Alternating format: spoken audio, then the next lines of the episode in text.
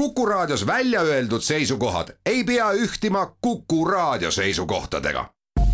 Te kuulate Kuku Raadiot. entsüklopeedia stuudios on Enn Eesmaa.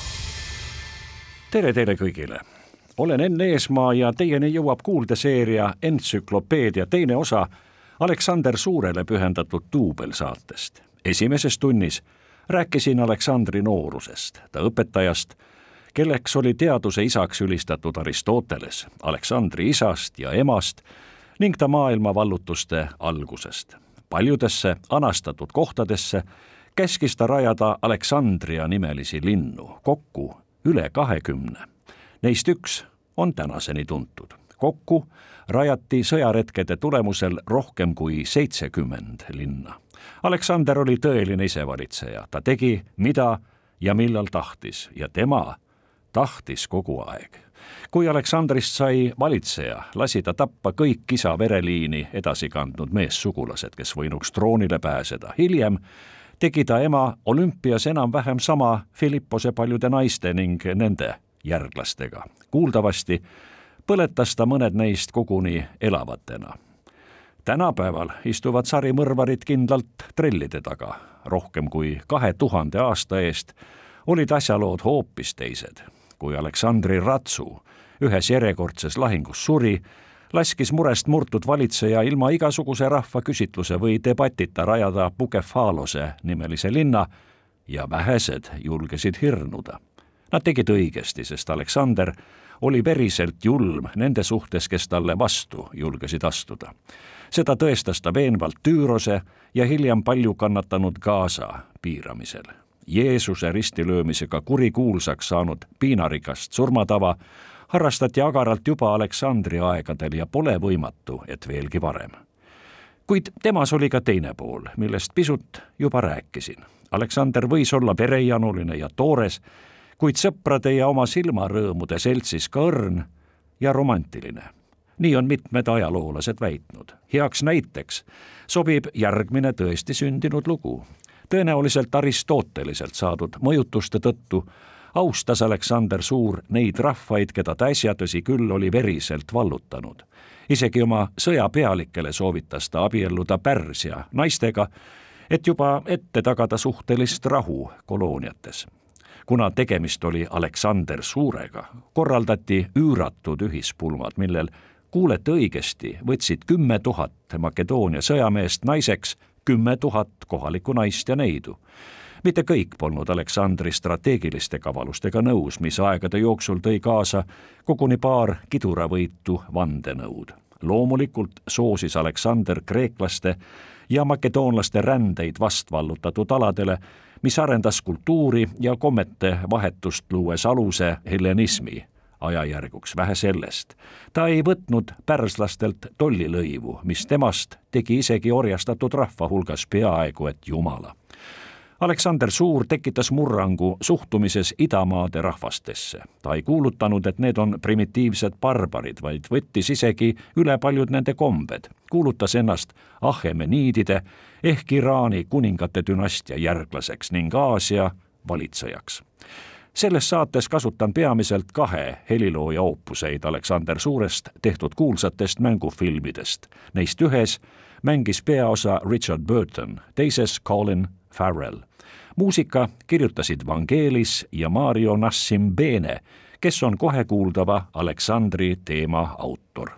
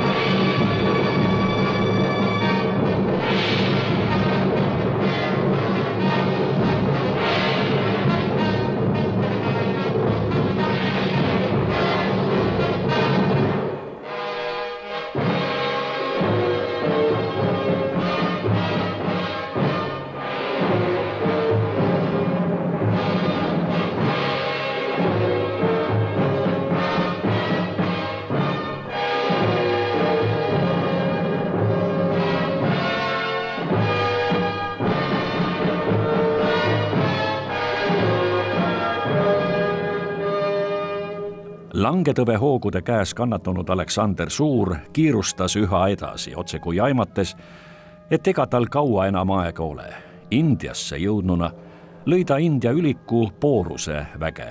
muide, hiljuti on paar teadlast välja käinud teooria, mille kohaselt Aleksander kaotas Hüdaspese jõe kallastel peetud lahingu Pooruse armeele. kuid seni pole seda arvamust üldtunnustatud äsja mainitud versiooni kohaselt oli just lahingu kaotus põhjuseks, miks Aleksandri India sõjaretk pooleli jäi. mitte aga vaevatud sõjameeste nurinad, kuigi veel enam-vähem elavadki, olid surmani väsinud. pahameele põhjusi oli loomulikult mitu. harjumatu kliima lisas ohte nii toidumürgituste kui mürgiste madude näol. lisaks kartsid nad indialaste üüratuid lahingelevante ning kui vähegi fantaasiat omada, saab neist ka aru. üks Aleksandri väepealikest, Ptolemaios, oli esimesi, kes oma juhi elust, surmast ja sõjaretkedest kirjutas. üldtuntud on niinimetatud antiik-Kreeka Aleksandri romaan, mille autoriks peetakse üksmeelselt Aristotelese vennapoega Kallistenest, kes tegi kaasa pea kõik Aleksandri sõjaretked. ilmselt pani Aleksandri kuulsa kõne oma kurnatud sõjameestele kirja teisel sajandil elanud Kreeka ajaloolane Arrianos. õigupoolest oli neid kõnesid mitu, üks enne Issuse lahingut ja teine Opises peetu. pakun teile kuulamiseks mõlema kõne algust. alustuseks saab sõna ajaloo maestro Hillar Palamets.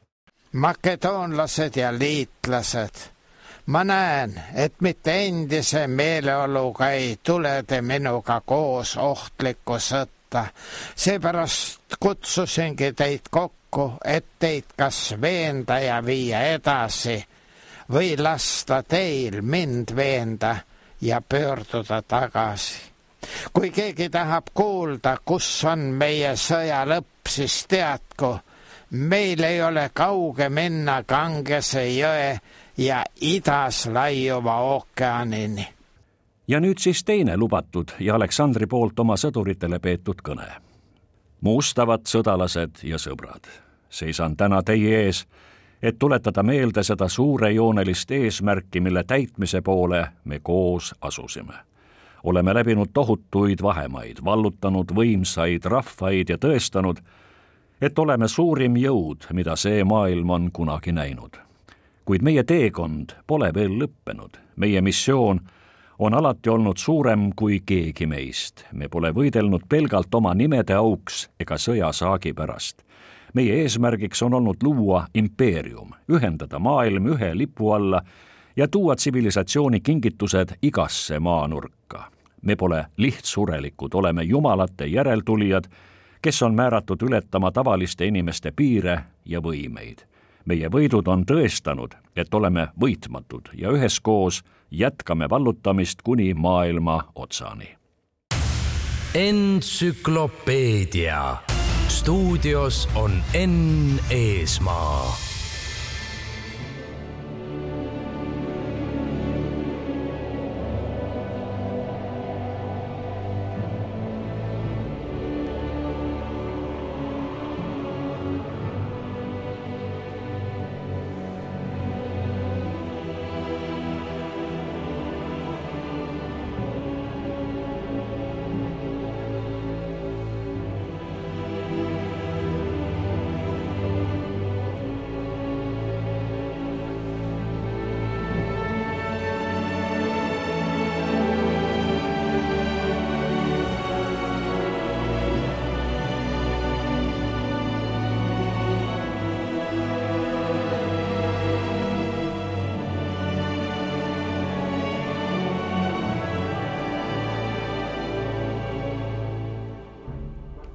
Aleksander sai teada, et Pärsias oli puhkenud midagi mässutaolist, mis ilmselt oligi lõpliku tagasipöörde otsuse aluseks. osa ta armeest seilas laevadel ning neid olevat tabanud esimene India ookeanis registreeritud orkaan koos tsunamiga. osa Aleksandri sõjaväest pidi läbima kurnava Gedroosia kõrbe, mida peetakse üheks vähestest Aleksandri vigadest. võimalik, et Aleksandrit hammustas malaariasääsk ning poole maailma valitseja suri Babüloni linnas kuningas Nebukadneetsar teise palees palavikku, mis võis olla seotud nii kopsupõletiku või koguni leukeemiaga. oma osa oli ka lakkamatul pidutsemisel ning see on veel leebelt öeldud nende orgiate kohta, mida Aleksander ilmselgelt nautis. tohutu impeerium mis edukate sõjakäikude ja vallutuste mõjul aina rikkamaks muutus, jagati Aleksander Suure väepealike vahel, mis tähistas mõõtmatu vallatusala üllatavalt kiire lagunemise algust mitmeks väiksemaks riigiks diadohhide ehk järglaste nelikümmend aastat kestnud sõdades. kõik need riigid said suhteliselt varsti Vana-Rooma keisririigi osadeks legendi kohaselt olevat surev väepealik öelnud, et pärandab oma varandused kõige tugevamale ta poeg, Aleksander Neljas, polnud toona veel sündinud. osa uurijaid on väitnud, et surma eel kaotas Aleksander kõnevõime ning vaid lihtsalt osutas ihukaitsjate pealiku Perdikase poole, kellele olevat ulatanud oma pitseriga sõrmuse. Läks aga nii, et võimu jagasid alguses mähkmetes Aleksander Neljas ning Aleksander Suure poolvend Philippos Archideus, kuningana Philippos Kolmas, lapskuninga ema olümpiase tarmukal kaasalöömisel. aastaid väldanud tapluste käigus mõrvati nii Aleksander Neljas kui Philippos Kolmas ja igaks juhuks ka olümpias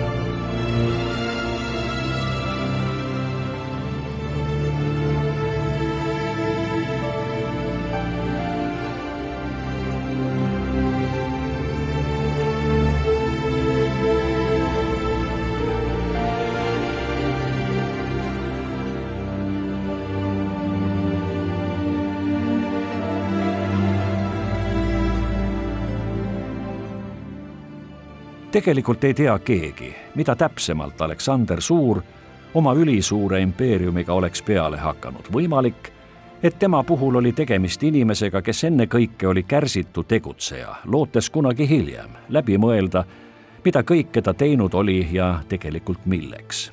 ehk tahtis Aleksander Suur tõepoolest kogu planeeti vallutada, teadmata, kui suur meie emake maa tegelikult on. India oli ju toonaste ettekujutuste kohaselt see oikumeeni viimne piir enne ookeani.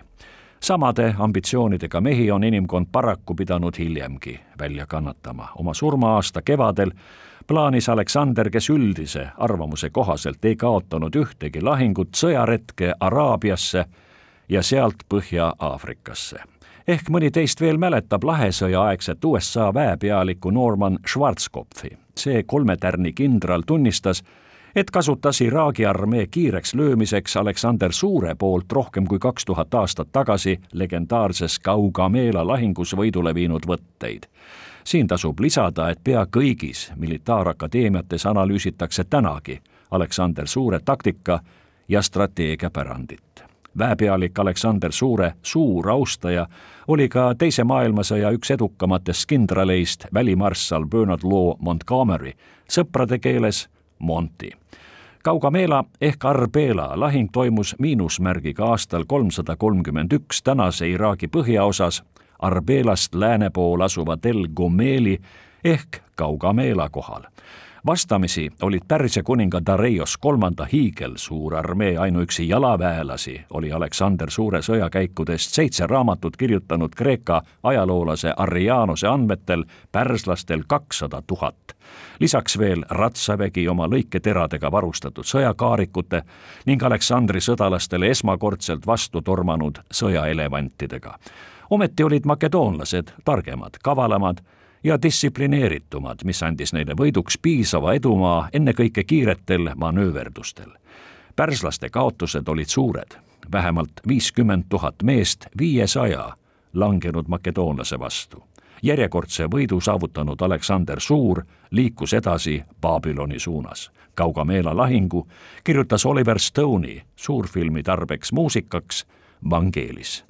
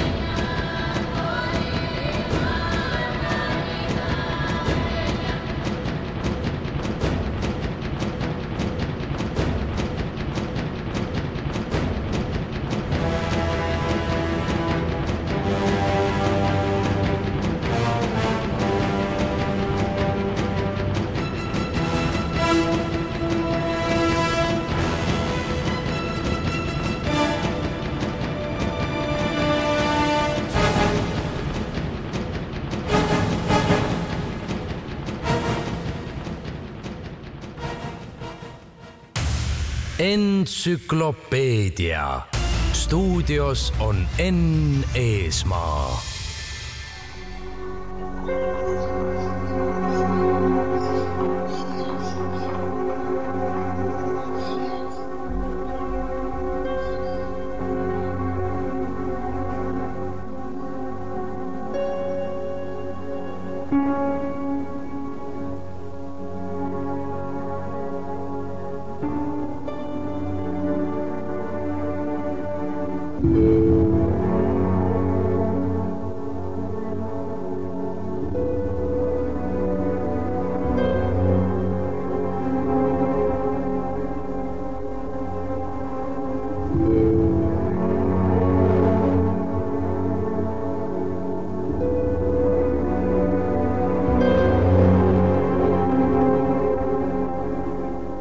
Aleksander Suur oli isevalitseja selle sõna kõigis kõrkides tähendustes. ta nautis täiega oma erilist staatust. teda peeti jumalikuks, koguni jumalaks ning seda tegi Aleksander isegi, nimetades koguni kaine peaga oma isaks Zeusi ja Vana-Egiptuse loomise jumalat Amoni kui Aleksander toona juba vaaraoks ülistatu käis eksklusiivsel visiidil Amoni templis, ja küsitles tollast peaoraaklit, kinnitas too vaga mees vaguralt, et Aleksandrit soosib Egiptuse peajumal isiklikult ning temast saab maailma valitseja sellest taevalikust suunisest otsustas Aleksander ka lähtuda ning plaanis koos oma lähimate sõpradega uusi sõjakäike, et kogu me planeet vallutada.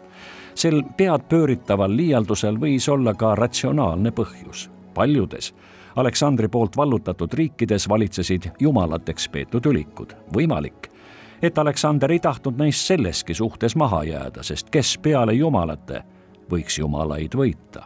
pealegi nautis ta peaaegu et anomaalset lahinguedu, mis ühel päeval võib ju mõnegi mehe jumala vallatute mõteteni viia. kõik see lisas uljust ja otsustavust. Aleksander raius Früügia pealinnas pikemalt mõtlemata puruks kohaliku kuninga Gordiase poolt rihmade puntraks punutud Gordioni sõlme, mille üle targad ja ambitsioonikad mehed olid pikalt ja tulutult targutanud. sõlme edukat lahtipäästjat pidi ju ootama ei rohkem ega vähem kui piiramatu võim kogu Aasia üle.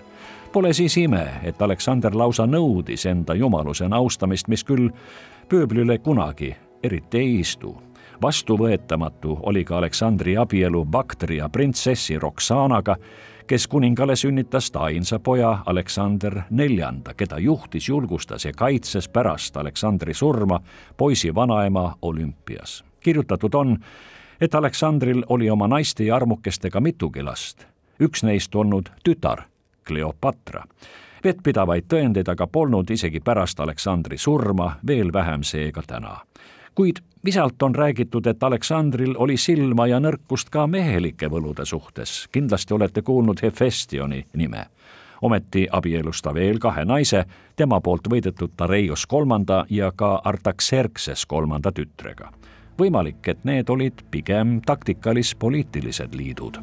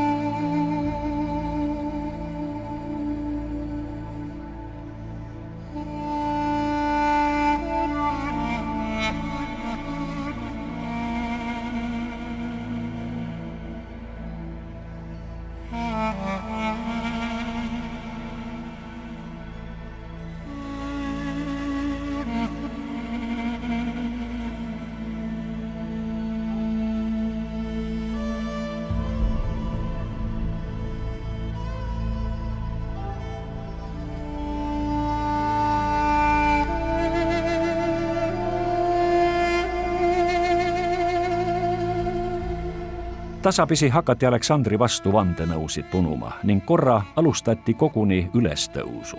makedoonlastele ei meeldinud Aleksandri pärsiapärane riietus ja otsmikuvõru diadeem.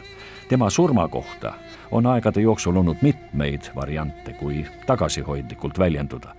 kõik nad on seotud ülemäärase joomisega, mis muutus lausa eluohtlikuks pärast Aleksandri võimaliku armukese Hefestioni surma vaid pisut enne ta eneselahkumist. enamus uurijaist on arvanud, et Aleksander mürgitati, vandenõust olevat osa võtnud koguni Aristoteles. suhteliselt hiljuti aga pakuti Aleksandri pea kaks nädalat kestnud agoonia põhjusena välja üht mürgist taime, mille nimi on valge upsujuur.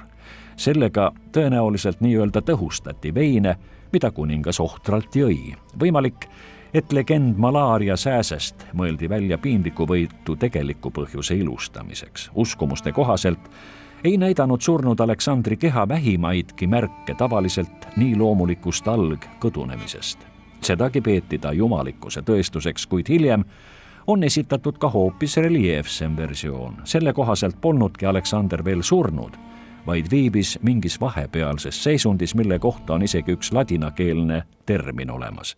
selle arvamuse kohaselt suri Aleksander alles siis, kui temaga hakati matusele eelnenud protseduure tegema. lahkunu paigutati meega täidetud kuldsesse sarkofaagi ja algas pikk matuseteekond Makedooniasse, mis sinna küll kunagi ei jõudnud.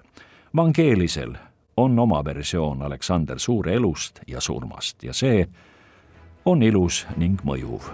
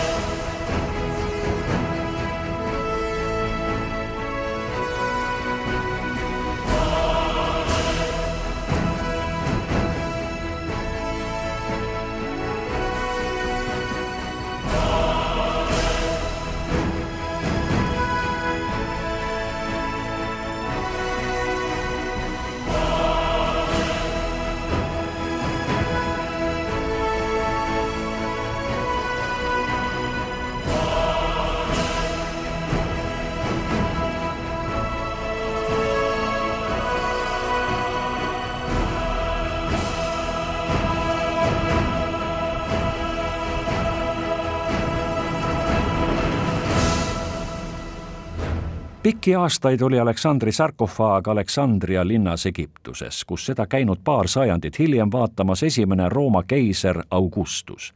Mingil kummalisel kombel olevat isevalitseja surematu kuulsuse muumiat vaadates ettevaatamatult, kuid võimalik, et ka ettekavatsetult kätele voli andnud ning Aleksandri klassikalise nina igavese legendi näost põrandale löönud temagi nägi, et Aleksander olevat sarkofaagis olnud pea samasugune kui kunagi elus.